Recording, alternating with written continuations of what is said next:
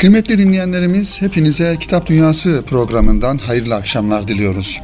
Erkam Radyo'da bizleri radyoları başlarında dinleyen bütün kitap dostlarını, bütün kardeşlerimizi en kalbi duygularımızla, muhabbetlerimizle selamlıyoruz efendim. Sevgili dinleyenler, Yeni kitaplarımızda huzurlarınızdayız. İnşallah bizlere ayrılan süre içerisinde sizin için derlediğimiz, hazırladığımız ve birbirinden ehemmiyetli, kıymetli kitapları inşallah muhtevalarıyla beraber sizlere aktarmaya çalışacağız. Sevgili dostlar, geçtiğimiz hafta Sultanbeyli Belediyesi'nin başlatmış olduğu kitap e, fuarı inşallah bu radyomuzun programımızın yayınlandığı dakikalarda bizler de inşallah Sultanbeyli'de e, kitap dostlarıyla buluşmuş olacağız kitap fuarında ve gerçekten belediyelerin yapmış olduğu ve diğer kurumların da tertip etmiş olduğu fuarlar bir kitap şöleni havasında geçiyor. Gerçekten kitabın insanlara biraz daha kolay ulaşmasını sağlıyor kitap fuarları. Bundan da öte birçok yazar, birçok şair, edebiyatçı okurlarla buluşmuş oluyor ve hakikaten bu kadar yoğun bir hayat içerisinde, bir şehir hayatı içerisinde zaman zaman da olsa farklı belediyelerin ve e, kuruluşların organize etmiş olduğu kitap fuarları sayesinde kitap bizim gündemimize girmiş oluyor. Tabii kitap fuarlarına gittiğimizde oradaki e, yayın evleri ve yayıncılar, kitaplar, yazarlar onlarla buluşmak, konuşmak ya da bilinçli bir şekilde kitap fuarına gidip e, alacağımız kitapları önceden belirlemek ve bilinçli bir şekilde gitmek gerektiğinde ifade etmek lazım. Zira e, ne alacağımızı bilmeden ya da ne okuyacağımızı bilmeden, hangi kitaplara ihtiyaç duyduğumuzu bilmeden sadece gezmek amaçlı rastgele bir kitap fuarı ziyareti gerçekleştirirsek bu da çok verimli olmaz diye düşünüyorum kıymetli dinleyenler. Onun için e, yıllık bir plan çerçevesi içerisinde bir kitap okuma planı, bir kitap e, okuma listesi hazırlayıp o liste e, gereğince fuarlara gidip kitapları almalı ve aldığımız kitapları da bir kenara koymadan mutlaka onları planımız çerçevesi içerisinde okumamız gerekiyor. Bazen şöyle bir şey de olabiliyor. Kitap fuarında gittiğimizde bir takım kitaplar alıyoruz ve bir sonraki kitap fuarına kadar o kitaplar okumadan kitap e, kütüphanemizde öylece duruyor. Bu da doğru bir şey değil. Onun için inşallah e, bilinçli ve listemiz elimizde bir şekilde gidip ne aldığımızın farkında olup ve ne okumamız gerektiğinin de şuurunda olarak kitap fuarlarında e, bulunmamız gerekiyor kıymetli e, dinleyenlerimiz. Efendim bu girişten sonra şöyle bakalım sizler için bu hafta neler hazırladık, hangi kitapları sizlere takdim etmeye çalışacağız inşallah. Programımızın aslında inşallah ikinci e, bölümünde biraz eğitim dönemi başı olması hasebiyle çocuklarımızın, e, öğrenci kardeşlerimizin neler okuması gerektiğini, özellikle küçük yavrularımızın hangi kitapları okuması gerektiğini e, ifade etmeye çalışacağız. Programımızın bu birinci bölümünde kardeşlerimizin çok büyük bir emekle hazırlamış oldukları Okur dergisinden de istifade ederek inşallah Okur dergisinin Eylül, Ekim, Kasım sayısında 3 e, aylık bir dergi olarak yayınlanıyor biliyorsunuz. Okur dergisinde e, İsmail Güleç Bey'in hazırlamış olduğu çok e, dikkatimi çeken ve birinci ağızdan böyle hitap şeklinde kaleme almış olduğu bir yazıdan da istifade ederek birkaç kitabı sizlerin dikkatine sunmak istiyorum. Kitaplarımız İz Yayıncılık'tan çıkmış bir tanesi. Tasavvuf, İslam'da Manevi Hayat e, isimli bir kitap. Ebul Ala Afifi imzasını taşıyor. Mütercim Ekrem Demirli. Kitap yeni çıkmış bir, daha doğrusu yeni baskısı yapılmış. 8. baskı ama Mayıs ayında yeni baskısı yapılmış. Tasavvuf isimli bir kitap. İslam'da Manevi Hayat alt başlığıyla. Diğer bir kitap ise Pan yayıncılıktan çıkmış. Lütfi Filiz imzasını taşıyor. Ee, ve Noktanın Sonsuzluğu bu kitapta aslında dört tane kitaptan oluşuyor. Dört ciltten oluşuyor. Ve Son e, bu konuda sizlere takdim edeceğim diğer bir kitap ise Sufi kitaptan çıkan Shams Friedlander'ın kaleme almış olduğu Toynak Sesini Duyunca Zebra Gelsin Aklına isimli ilginç ismiyle böyle bir tasavvufi muhtevalı kitap. Ve İsmail Güleç Bey dedik kalemi e, daha doğrusu yazıyı kaleme alan yazarımız. Tasavvuf insan olmayı öğrenmek demek diyor. İnsan derken insanı hakikiyi kastettiğimi anlamışsındır diyor birinci hitap olarak. İnsanı bilmeden ve öğrenmeden tasavvufu tam manasıyla anlamak ve bilmek mümkün değildir. Bir hitap cümlesiyle başlıyor. Aziz kardeşim diyor. Bana tasavvuf hakkında soruyorsun. Tasavvufu nasıl öğrenebilirim? Hangi kitapları okumalı, okum, okumalıyım? Kime gitmeliyim diye. Bir mektup havasında tabi bu yazıyı kaleme almış yazarımız ve bu mektup içerisinde de muhatabına az önce isimlerini ve yazarlarını zikrettiğimiz üç tane kitabı tavsiye etmiş. Biz de bu yazıdan istifade ederek aynı şekilde iyilikleri çoğaltma adına, güzellikleri yaygınlaştırma adına bu üç kitabı sizin dikkatinize sunuyoruz. Belli ki başından geçenler senin bu konularda düşünmene vesile olmuş. Bence çok doğru sorular soruyorsun. Bu sorulara yıllarca muhatap oldum ve cevabını hep düşündüm. Tam olarak cevap verebileceğimi iddia edemem. Eksik olabilir söylediklerim. Ama başlangıç içinde bir fikir verebilir zannıyla bu satırları kaleme alıyorum. Tasavvufun yüzlerce tanımı var. Sıralamaya kalkışsam sayfalarca sürer. Ama ben içlerinden birini tercih ediyorum ve sana onu ifade edeceğim. Tasavvuf insan olmayı öğrenmek demektir. İnsan derken insanı hakikiyi kastettiğimi anlamışsındır. Az önce bu programımızın ilk e, dakikalarında ifade ettiğimiz cümleler. Tasavvuf bilgisinin iki veçesi vardır. İlki tarihsel bilgi kısmı ve ne zaman ortaya çıktı? İlk mümessilleri kim? Tarikat nedir? Ne zaman ve nasıl doğdular? Tasavvufun adabı ve erkanı nasıldır? Tasavvufun temel düşüncesi nedir? Neyi amaçlar? Evet, sorular bu minvalde uzayıp gider. Kıymetli dinleyenlerimiz, tasavvuf dediğimiz e, hadise gerçekten İslam'ın en güzel şekilde veya güzel bir şekilde yaşanabilmesi için zaman içerisinde, yüzyıllar içerisinde İslam büyüklerinin ortaya çıkarmış oldukları bir hayat tarzı. Tasavvuf dinden, İslam'dan ayrı bir şey olmamakla beraber dinin ibadet, muamelat ve ahlak e, boyutlarını daha güzel bir şekilde disipline ederek bu yolda olan bir insanın manevi eğitimini sağlayan bir durumdur tasavvuf dediğimiz hadise.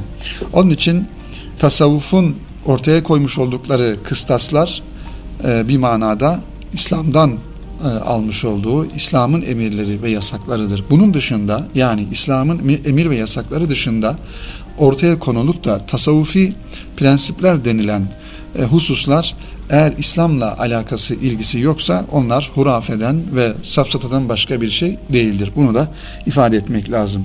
Dolayısıyla tasavvufun iki yönü olduğunu ifade etmek lazım. Birisi teorik yönü yani kitaplardan öğrenilebilecek, e, meselenin e, bilgi yönünü okuyarak öğrenilebilecek tarafı ki bunlar az önce de sorulan sorulardan da ifade edildiği üzere tasavvufun ne olduğunu, adabının, erkanının ne olduğunu, temel düşüncesinin ne olduğunu ve neyi amaçladığını e, bunların tasavvuf tarihine baktığımızda ki tasavvuf tarihiyle alakalı kitaplarda bunlar düzgün ve düzenli bir şekilde anlatılır. Bir bunu öğrenmek ve bunları okumak gerekir. Diğer boyutu da ki asıl önemli olan boyutu da pratik boyutu. Bu da hal dediğimiz e, durumun yaşanarak onu bizzat hissederek ve o halin içinde olarak bir mürşidi kamilin arkasından giderek onun e, manevi terbiyesinden geçerek bu tasavvufi hayatı yaşamaktır.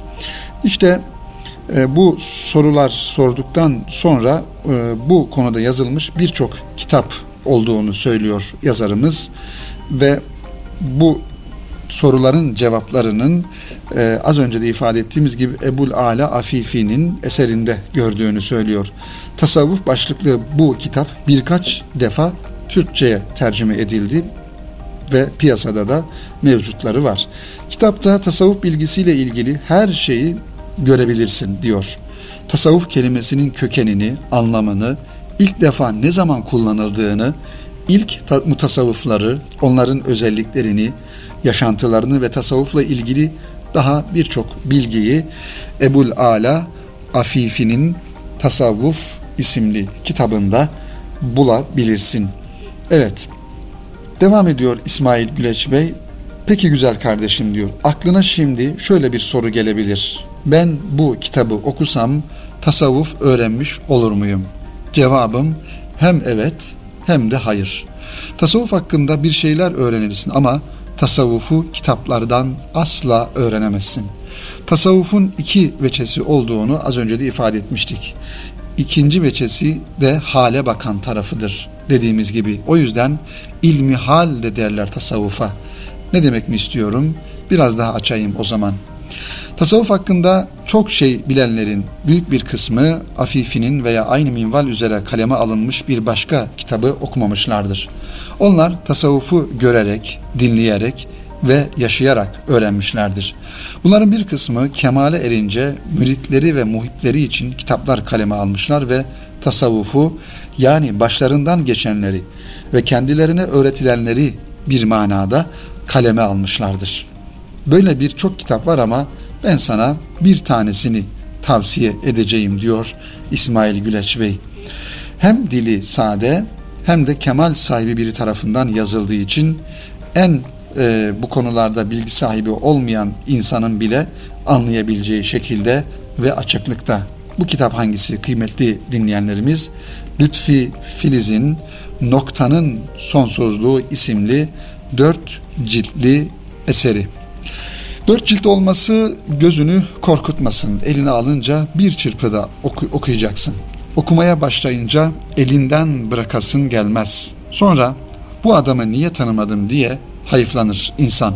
Lütfi Filiz aslında bir saatçi. Gençliğinden itibaren ibadetlerini başka bir zevkle yapmak istemiş ve ona bu zevki tatmayı öğretecek üstadlar aramış. Biri onun ayağına gelmiş, birinin ayağına da o gitmiş. Kemale erince de öğrendiklerini öğretmiş yıllarca. Sohbetleri bir araya getirilip konularına göre tasnif edilip kitap haline getirilince de tüm Türkiye tanımış bu insanı. Afifi'nin kitabını okudun, bilgisini öğrendin. Lütfi Filiz'in kitabını okudun, o bilgileri somutlaştırdın, müşahede ettin. Peki sonra öğrenmiş olmuş sayılır mısın? Cevap yine aynı. Hem evet hem de hayır. Tasavvuf hakkında bilgi sahibi oldun. Bir mutasavvıfla tanıştın ve onun nasıl yaşadığını ve ne düşündüğünü öğrendin. Ama hala tam manasıyla öğrenemedin. Çünkü yaşamadın. Mutasavvıfların deyimiyle tatmayan bilmez. Tasavvuf ne kadar tarif edilirse edilsin, yemedikçe tadı bilinmeyen bir meyve gibidir. Başından geçmeden öğrenemezsin. Moda deyimle uygulamalı bir bilimdir tasavvuf. Bir mürşidi kamilin dizinin dibinde oturmadan, halkaya karışmadan, eline tesbih alıp Allah demeden, zikrettiklerini görüp yaşamadan, halden hale girmeden, sıkıntıdan sıkıntıya düştükten sonra rahatlamadan, kısaca başından geçmedikçe bilinmez, bilemezsin. Şimdi sana, şimdi sen evet bu manada yine başka bir kitabı tavsiye edeceğim diyor yazarımız iki kitaptan sonra. Birincisi Tasavvuf isimli kitap Ebul Ale Afifi'nin, diğeri ise Lütfi Filiz'in Noktanın Sonsuzluğu dört ciltli kitap ve bu iki kitabı okuduktan sonra da son olarak bir kitap daha sana tavsiye edeceğim diyor yazarımız İsmail Güleç. Evet, o kitapta Şems Friedlander'in toynak sesini duyunca Zebra Gelsin Aklına isimli tasavvuf sohbetleri Sufi kitaptan çıkan bir kitap. Evet, eğer bir toynak sesi duyarsan aklına hemen at gelmesin. Bu zebra da olabilir. O zaman ilk olarak öğrenmen gereken şey toynak seslerini işittiğinde zebrayı düşünmen. Bu da nereden çıktı dediğini duyar gibiyim diyor. Eh bu da sana tavsiye edeceğim üçüncü kitap olsun. Şems Friedlander'in toynak sesini duyunca Zebra Gelsin Aklına isimli kitabı. Evet başka ne okuyayım diye sorma artık diyor. Muhabbetullah gönle yerleşmedikçe yaprak kıpı, kıpı, kımıldamaz. Son sözümüzde dua olsun. Allah sevgisi gönlünden eksilmesin diyor. Bir mektup tarzında yazmış olduğu ve bu mektubun satırları arasında muhatabına üç tane kitabı tavsiye ettiği İsmail Güleç Bey'in bu güzel yazısı Okur dergisinde mektubunuz var köşesinde kıymetli dinleyenlerimiz. Biz de hem bu üç kitabı sizlerle buluşturduk hem de bu güzel mektubu e, mektubun muhtevasını siz kıymetli dostlarımızla paylaşmış olduk. Efendim başta da ifade ettiğimiz gibi tasavvuf ve tasavvuf alanı öyle kitaplardan okunarak öğrenilebilecek bir mevzu değil. Kitaplardan okumak, olayın teorisini, bilgisini, akademik tarafını belki kitaplardan öğrenebiliriz ancak olayın pratik tarafını, hal tarafını ancak bir mürşidi kamilin arkasından giderek, onun dizinin dibine oturarak ve ona muhabbet duyarak öğrenebiliriz. Kıymetli dinleyenlerimiz, Türkiye'de her eğitim e, döneminin başında hem ailelerde hem eğitim kurumlarında ve milli eğitimde tabii ki önemli hareketlenmeler ve gayretler, faaliyetler olur. Özellikle aileler çocuklarını okullara gönderdiklerinde okul derslerinin yanında çocuklarının kendilerini yetiştirmeleri noktasında bir gayret içerisine girerler haklı olarak. Okul kitaplarının yanında çocuklarının mutlaka kitap okumaları gerektiğini aşağı yukarı her anne baba bilir ve bu manada e, kitaplar alınır e, fuarlardan ve o kitaplar gerek öğretmenlerinin nezaretinde gerekse kendi kontrollerinde çocuklarına okutulmaya çalışılır. Bu konu gerçekten önemli. Çünkü okul dersleri ve okulun e, ders kitaplarında anlatılan konular belli bir müfredat içerisinde belki de kalabalık sınıflarda her öğrencinin bir manada eşit derecede derslere katılmadığı belki ortamlarda bu dersler işleniyor. Çok fiziki şartları güzel olan okullarımız olmakla beraber e, Milli Eğitim Camiası içerisinde gerek öğretmen kadrosu gerekse okulun fiziki şartları itibariyle yeterli olmayan e, eğitim kurumlarımızın da sayısı hayli fazla. Ee, özellikle kalabalık şehirlerde, başta İstanbul olmak üzere diğer şehirlerde bu ve benzeri sıkıntıların olduğunu bizatihi anneler babalar olarak bizler e, yaşıyoruz, görüyoruz. Tabi burada eğitimle alakalı kıymetli dinleyenlerimiz çocuğumuzu okulun bahçesinin içerisinden okula gönderdikten sonra bizim işimiz bitmiyor. Aslında okulun bahçesine çocuğumuzu ya da okulda sınıfına çocuğumuzu gönderdikten sonra öğretmeniyle buluştuktan sonra bir manada annelerin babaların işleri aslında o zaman başlamış oluyor. Çünkü eğitim dediğimiz hadise okul yani eğitim kurumu, öğretmen ve veli üçlüsünün gayretiyle, çalışmasıyla, çabasıyla gerçekleşebilecek olan bir durumdur. Çünkü çocuklarımızı öğretmenlerimize emanet ettiğimizde onların takibini yapmaz. Akşam eve geldiklerinde ödevlerini sormaz. Bugün okulda neler yaptın, o sınıfta nasıl ne oldu bunu çocuğumuza sormaz. O sorumluluk duygusunu vermezsek çocuk aynen e, bunu bir vazife e, bilip bir görev bilip belki bir yönüyle de zorla yaptırılan bir görev bilip sadece okula gider gelir ve defterini kitabını okuldan geldiğinde bir kenara koyar sabah gittiğinde onu alır hatırlar ve bu şekilde bir bilgi alışverişi bir eğitim öğretim gerçekleşmeden zaman akıp geçmiş olur. O yüzden öğretmenlerden ve okul lardan daha doğrusu eğitim kurumlarından daha çok e, vazife düşen insanlar anneler ve babalar olduğunu ifade etmek lazım. Kendi çocuğumuzu e, bizim düşündüğümüz kadar başkalarının kendi çocuğu bizim çocuğumuz düşünmelerini beklemememiz gerekiyor. Elbette ki öğretmenlerimiz fedakar bir şekilde 40 kişilik, 35 kişilik hatta zaman zaman 45 kişilik sınıflarda asayişi sağlayıp sükuneti oluşturup ders anlatma e, gayreti içerisinde oluyorlar. Ancak şunu da bilmek ve farkında olmak lazım ki özellikle ortaokul, ilkokul e, seviyesindeki liselerde bu biraz daha farklı bir durum arz ediyor. E, çocukların e, bir manada disipline edilmesi, onların sınıf içerisinde sükunetinin sağlanması öyle her sınıfta olan bir durum değil. O yüzden öğretmenlerimizin karşılaştıkları zorlukları, onların e, muhataplarının bizim çocuklarımız olduğunu ve bu manada da annelerin, babaların bunun farkında olması gerektiğini ifade etmek istiyorum. Bunları şunun için söyledik kıymetli dinleyenlerimiz. Çocuklarımızın e, derslerinin dışında okuma e, olaylarını, okuma durumlarını mutlaka bizim takip etmemiz gerekiyor.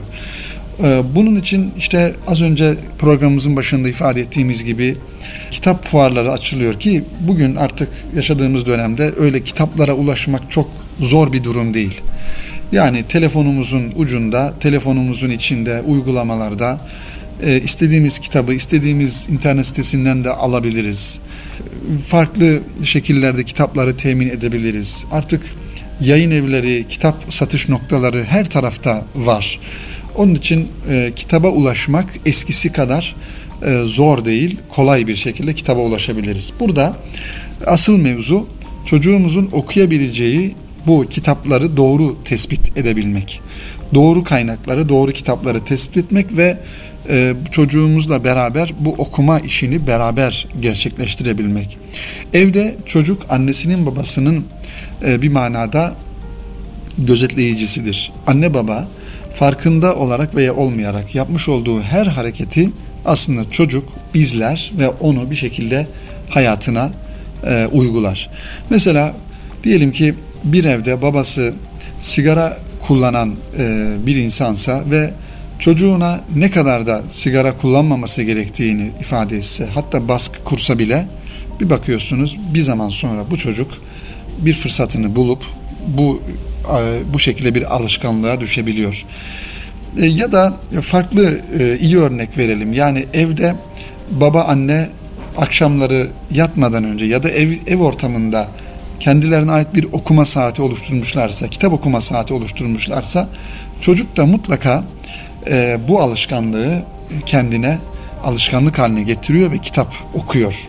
Bunlar iyi örnekler tabii ki. Bunları çoğaltmak gerekiyor. O yüzden anne ve babaların ev içerisinde ya da çocuklarıyla beraber oldukları zaman dilimlerinde yapmış oldukları her hareketin çocukları tarafından izlendiğini, örnek alındığını ve onların hayatlarının, hayat anlayışlarının bu şekilde oluştuğunu unutmamak gerekiyor.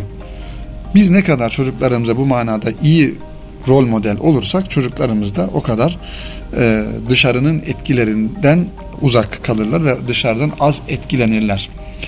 Şimdi minik okurlarımız ne okumalı diye bir başlıkla e, bakalım sizlere neler sunacağız kıymetli dinleyenlerimiz. Şunu ifade edelim. Kitaptan daha iyi bir arkadaş yoktur. Zaman zaman o insana dert ortaklığı eder. İnsanın gönlünü açar, yüreğine su serper. Gönlünün her muradına onunla erişir. Böylesine güzel bir dost görülmemiştir kitapla alakalı. Çünkü kitap ne incitir ne de incinir. Efendim Murat Çiftkaya'nın kaleme almış olduğu Genç Hayat yayınlarından çıkan Gülümseyen Öyküler. Genç Hayat, Hayat yayınlarının gençlik kitapları markası. Serinin ilk kitabı olan Gülümseyen Öyküler 70'ten fazla öyküyü okuyucuyla buluşturuyor. Evet, ilk kısımda hikmetler içeren hikayelere, ikinci bölümünde ise zamanla ortak anonimleşmiş çağdaş öykülere yer veriliyor. Şöyle bir alıntı yapalım kitabın içerisinden. Murat Çiftkaya'nın Gülümseyen Öyküler çocuklarımıza, yavrularımıza tavsiye edeceğimiz kitaplardan bir tanesi Genç Hayat'tan çıkmış bir kitap. Bir bilge bir gün tam trene biniyordu ki ayakkabılarından birisi ayağından çıktı ve yere düştü. Aşağı inip onu alması imkansızdı çünkü tren çoktan harekete geçmişti. Yanındaki arkadaşları ne yapacağını merakla bekliyorlardı. O gayet sakin bir biçimde diğer ayağındaki ayakkabıyı da çıkardı ve az önce düşürdüğü ayakkabıya yakın bir yere fırlattı. Talebelerden birisi dayanamayıp sor, sordu. Efendim neden böyle yaptınız? Gülümseyen bilgenin cevabı gayet basit ama hakikat yüklüydü. Demir yolunun üzerindeki ayakkabı tekini fakir biri bulursa diğer tekini de bulup giyebilsin diye. Evet, ayakkabısı trene binerken yere düşen bilgenin yapmış olduğu çok güzel bir tavır. Nasıl olsa o ayakkabıyı inip alamayacağına göre bari o ayakkabıyı bulan başka birisi tek olarak ayakkabıyı kullanamayacağından dolayı diğer eşini de atıp başka bir insanın sevinmesine sebep oluyor. Bu şekilde bir ibretli ve güzel bir anekdot bu kitabın sayfalarında kıymetli dinleyenlerimiz. Diğer bir kitap yine aynı yazara ait ve serinin devamı olan Başarı Öyküleri isimli kitabı. Başarıya giden yolun herkes için farklı olabileceğini ve başarmak için çok çalışmak, sabırlı ve azimli olmak gerektiğini çocuklarımıza anlatıyor. Murat Çiftkaya'nın Gülümseyen Öykülerden sonra bu serinin devamı olarak e, ikinci e, daha doğrusu serinin içindeki kitaplardan birisi olarak Başarı Öyküleri. Yine kitaptan bir alıntı yapalım kıymetli dinleyenlerimiz. Şimdi kendinize sorun. Her hedefe eksiksiz bir şekilde ulaşacak, her iş başarılı bir şekilde tamamlanacak, her umut gerçekleşecek, her sevgi kalıcı olacak, her çaba sonuçlanacak diyenlerden misiniz yoksa hedefine yürümenin zevkini tadabilenlerden ve evet ama yol boyunca elde ettiklerime bir bak. Bir şeyler yapmayı denediğim için kazandığım şu mükemmel şeylere bak diyenlerden misiniz? Efendim başarıyı elde etmenin tabii ki farklı yolları var. Ancak e, herhalde en önemli unsurlarından bir tanesi sabır, gayret ve ihlas. Bu üç önemli hususu barındırabiliyorsa kendimizde Allah'ın izniyle başaracağı, başaramayacağımız bir şey yoktur ve başarma noktasında da aynı zamanda kararlı olmak. Hedeflerimize ulaşmak için sadece maddiyatın yeterli olmadığı, önemli olanın kişinin bünyesinde sevgi ve dostluk barındırması olduğu hikayelerde en güzel biçimde vurgulanmış. Başarıya giden yolda yenilgiler de olsa mutlaka çıkarılabilecek tecrübeler olduğu da paylaşılmış. Başarı Öyküleri isimli kitapta Murat Çiftkaya'nın kıymetli dinleyenlerimiz. Yine yavrularımızın okuyabileceği bir e, güzel bir kitap var. E, onu da e, Yapı Kredi yayınlarından çıkan bir kitap. Aslında e, bu kitabın muhtevasıyla alakalı bir Hint filmi de e, var. Her Çocuk Özeldir isimli bir Hint filmi. Bu filmi de kıymeti dinleyenlerimiz özellikle anneler ve babalar izlemediyseniz mutlaka internet ortamında bu film mevcut. Eski bir film çünkü.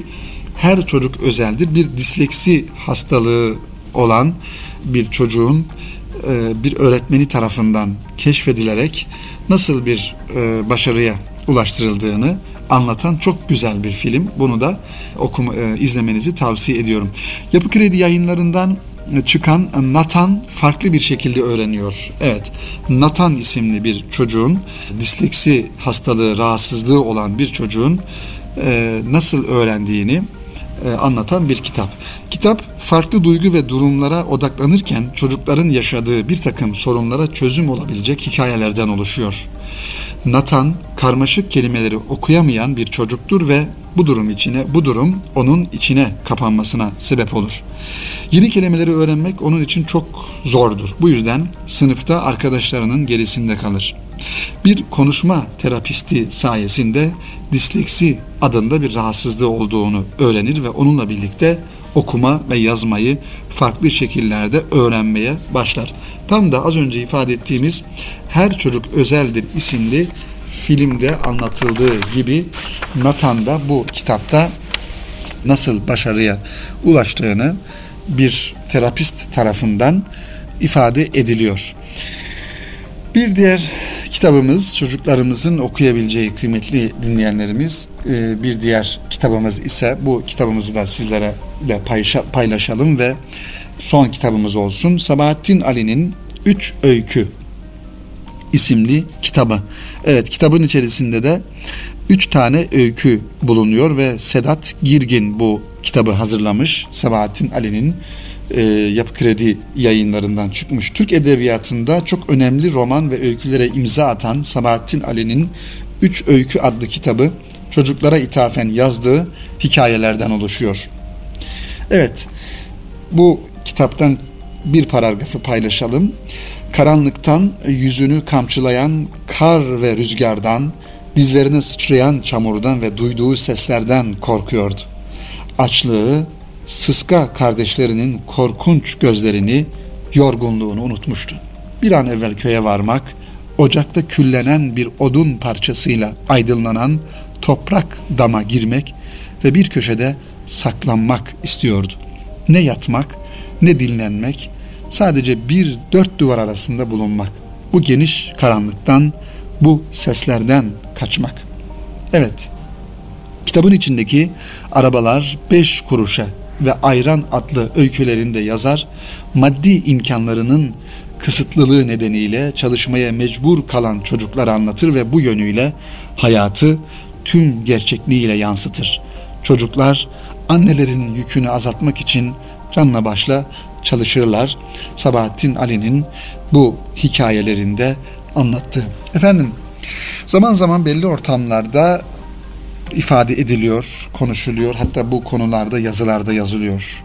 Özellikle son 10 e, yılda yetişen neslimizin, gençliğimizin, çocuklarımızın eskiye nazaran yani onların anneleri, babaları veya onların dedelerine nazaran çok daha hayatı e, kolay buldukları ve kolay yaşadıkları, hayatın zorluklarıyla yüzleşmedikleri ve bundan kaynaklı bir takım kanaatsizlik, tatminsizlik sıkıntılarıyla karşılaştıkları zaman zaman ifade edilir. Hakikaten bizim e, yaşamış olduğumuz hani bu zamanda maddi imkanı iyi olan ve iyi olmayan ailelere baktığımızda e, belli bir standardın e, içerisinde hayat devam ediyor.